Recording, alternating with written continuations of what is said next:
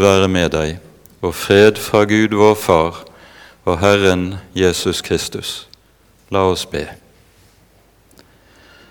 Nå takker og lover vi deg, Herre Jesus, du som er vår frelses klippe. Takk, Herre, at du som bøyet deg så dypt ned, er opphøyet til Faderens høyre hånd, og er den som har makten, all makt i himmel og på jord. Lær oss, Herre, å regne med deg, at du virkelig er den du er. Det ber vi, Herre, i ditt eget navn, og takker og lover deg fordi du er god, og din miskunnhet varer til evig tid. Amen. Dette hellige evangelium står skrevet hos evangelisten Johannes i det 17. kapittel. Vi leser de fem første vers.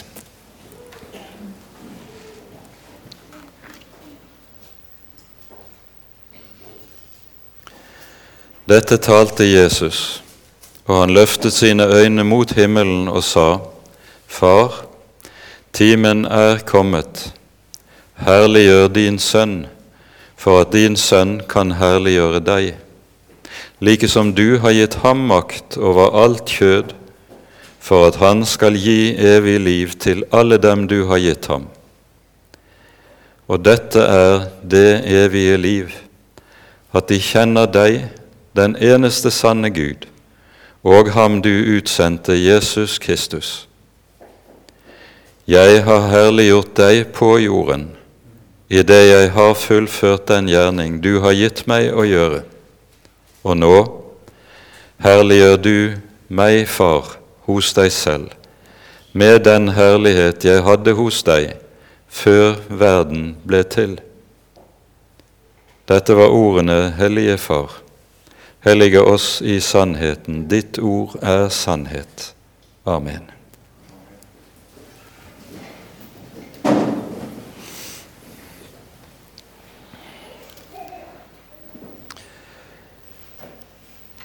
Jesu samvær med disiplene den siste kvelden før hans lidelse, det avsluttes med hans ypperste prestlige bønn.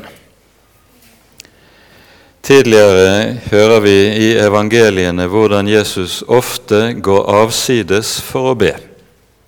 Vi hører ikke hvorledes Jesus ber, hva han ber om, men her her ber han i disiplenes nærvær, tydeligvis fordi han vil at disiplene skal vite og forstå hva det er Jesus ber om, og hvorledes han ber for dem.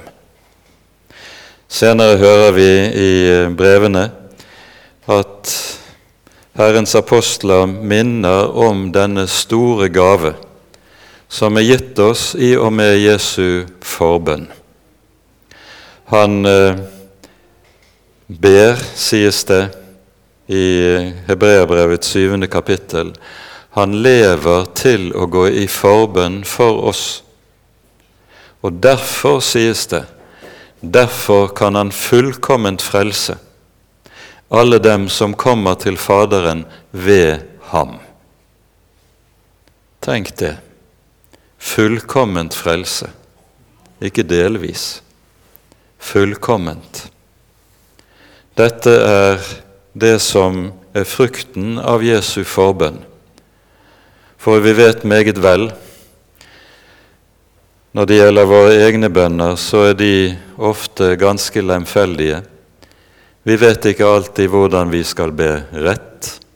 Vi vet ikke alltid hva vi skal be om. Og vi vet også at ifølge Skriften Like som Gud kan svare ja og bekreftende på våre bønner, så kan Han også svare nei, like som vi foreldre ofte må gjøre det i forhold til våre barn. Vi kan både svare ja til deres ønsker og svare nei. Med Jesu bønn er det annerledes. Han blir alltid hørt. Han vet hva han skal be om, og hans Fader hører hans bønn alltid. Derfor sies det også derfor kan han fullkomment frelse alle dem som kommer til Faderen ved ham. Vi har hørt lest beretningen fra apostelgjerningene om Kristi himmelfart. Vi burde egentlig kalle denne dagen for Kristi tronstigning. For det denne dagen dreier seg om, er at når han farer opp, er det for å sette seg ved Faderens høyre hånd i det høye. Og Det innebærer det som Jesus sier i misjonsbefalingen meg er gitt all makt i himmel og på jord. Han som sitter ved Faderens høyre hånd, har all makt noe som også sies uttrykkelig i dagens tekst, der Jesus sa som følger Du har gitt ham, altså Sønnen, makt over alt kjød. Og denne allmakt har en hensikt for at han skal gi evig liv til alle dem som du har gitt ham.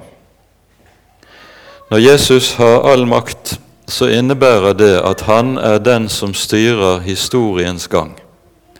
Folkeslagenes stigen og fallen inntil historiens avslutning.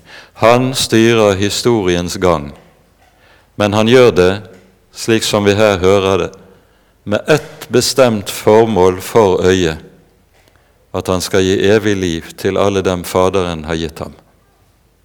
Poenget er når Jesus styrer historiens gang, er det med tanke på menneskenes frelse. At evangeliet skal ikke bare nå ut, men også nå inn. Nå inn til hjertedypet hos menneskene. Hos menneskene som har så uhyre vanskelig for å høre. Og derfor ofte må føres gjennom dype trengsler før ørene åpnes og hjertebønnen er beredt for at ordet kan høres og bære frukt. Og slik blir det at historiens gang styres av Han som er allmaktens herre. Meg er gitt all makt i himmel og på jord, lyder det.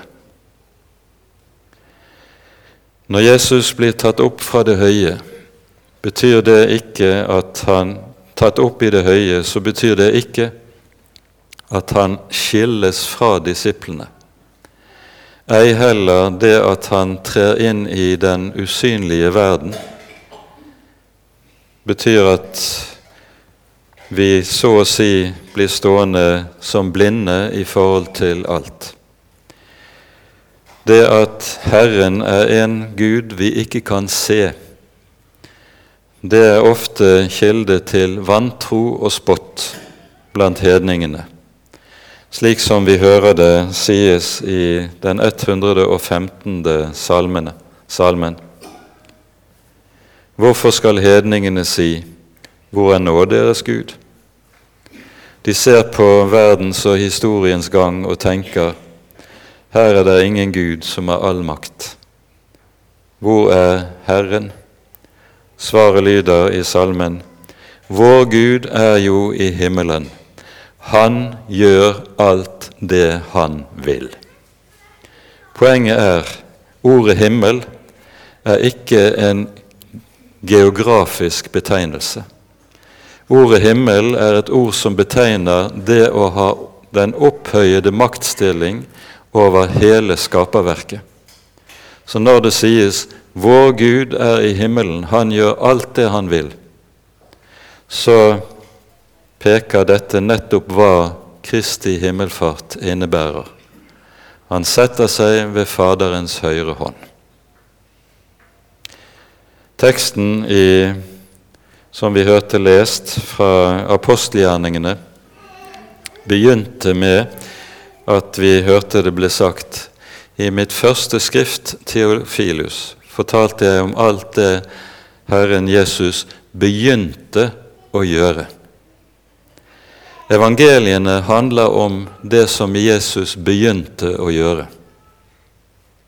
Vi har to skrifter i Det nye testamentet som taler om hva Jesus fortsatte med å gjøre, nemlig først apostlenes gjerninger, som egentlig er en hel feilbetegnelse.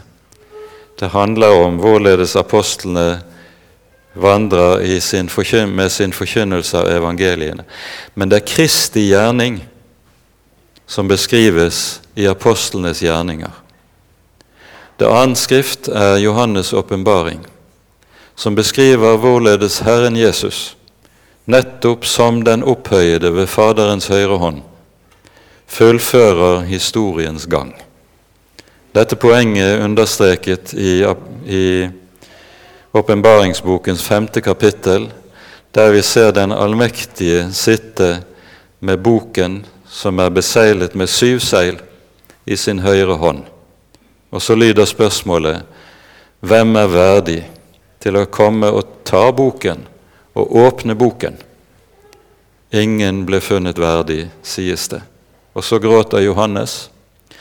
Og Johannes' gråt henger da sammen med at hvis ingen kan åpne denne boken, som er fremtidsboken, så betyr det at historien ikke vil nå sin fullendelse og sitt mål. Og så trøstes han Gråt ikke, for se, løven av Judas stamme, Davids rotskudd, er verdig til å ta boken og åpne den. Og så får han se lammet som står for tronen, og åpner boken. Og nettopp dette at han åpner boken, bryter seilene, er uttrykk for dette. Han er den allmektige som skal fullføre historiens mål. Og Derfor kalles han også i åpenbaringsboken for begynnelsen og enden. Han er den første og den siste. Han er den første, nemlig den ved hvem den allmektige skapte himmel og jord. I begynnelsen, i opphavet. Han er enden, nemlig den ved hvem den allmektige skal fullføre historiens løp, slik at når nye himler og en ny jord skapes, skal Gud på ny se på det han har gjort, og si det er såre godt. Det kan han ikke si om den verden vi kjenner. Men når historien når sitt mål, er det gjort ende på synd det er gjort ende på død. Det er gjort ende på djevelens herredømme. Og så kan det på ny lyde fra den allseendes munn. Det er såre godt. Det er dette som er målet med Jesu gjerning. Han skulle gi det livet til menneskene, til fall, en fallen menneskehet, til syndere som har det med seg at vi skal få være med ham i evighet. Den ypperste prestelige bønnen avsluttes med Jesu ord, der han sier slik Far, jeg vil at, at de som du har gitt meg, skal være hos meg der jeg er, for at de skal se min herlighet. Dette er en bønn som her i tiden handler om at det å være et Guds barn, det er å være hos Jesus for å se Hans herlighet i evangeliet. Det er mange som taler om det å være kristen, som først og fremst handlet det om alt det vi skal være og gjøre. Det er det ikke. Det å være et Guds barn, det er å være utvalgt til å være der Jesus er, og se Hans herlighet. En herlighet som den en enbåren sønn har fra sin far, full av nåde og sannhet. Denne herlighet ser du i evangeliet, ingen andre steder. i evangeliet om Han som hang på et kors, og som Johannes evangeliet underlig nok sier, ble herliggjort på korset. Det som i menneskenes øyne på korset ser ut som den ytterste fornedrelse og vanære, det er i Guds øyne Kristi herliggjørelse. Der, i sin lidelse, overvinner han synd, død og djevel, og krones med herlighet og ære. Og når han så står opp igjen fra de døde og opphøyes til Faderens høyre hånd, så er det bare konsekvenser av og forlengelsen av seieren på korset. Denne Kristi herlighet er det han gir sin menighet del i, og vil at du og jeg skal ha del i. Vi skal være der han er for at vi skal se hans herlighet. Og Når vi skal få lov til dette, er det med tanke på at i evigheten, på den nye jord, når alt er blitt nytt, fortsatt skal være der Han er, for å se Hans herlighet. Her i verden er situasjonen den at det sies om ham han bor i et lys dit intet menneske kan komme eller nå. Her om oss som lever med synden i våre liv og i våre hjerter, gjelder det intet menneske kan se ham og leve. Der lyder løftet. Vi skal se ham som han er. Vi skal komme inn i det lys som er slik at vi her i verden ikke kan tåle det, men der skal forvandles og bli ham like. Denne herlighet er noe vi eier her og nå allerede. Og Paulus taler om dette nettopp i Efeserbrevets første kapittel, som vi har hørt lest fra tidligere. Dette brevet innledes med en lovprisning. Lovet være Gud, vår Herres Jesu Kristi Far han som har velsignet oss med all åndelig velsignelse i himmelen i Kristus. Legg merke til hva som står. Det sies ikke at Han en dag skal velsigne oss med all åndelig velsignelse, som om det handlet om noe en gang i fremtiden. Nei, det handler om noe Han allerede har gitt oss i og med evangeliet. Han har velsignet oss. Og det sies at han ikke bare har velsignet oss med en og annen velsignelse, men det sies uttrykkelig med all. All åndelig velsignelse over hodet som du kan tenke deg Faderen har å gi, den har han velsignet oss med allerede. Men vi eier den ikke slik at vi kan se den, føle den og ta på den. Den er i himmelen i Kristus. Og Derfor er det slik at en kristen kan føle seg uendelig fattig her i verden når han ser på seg selv, sitt eget hjerte, sin egen synd, sin egen situasjon og skrøpelighet. Vi føler oss så uendelig fattige. Det er derfor Paulus ber, slik som vi hører det i dagens lesetekst.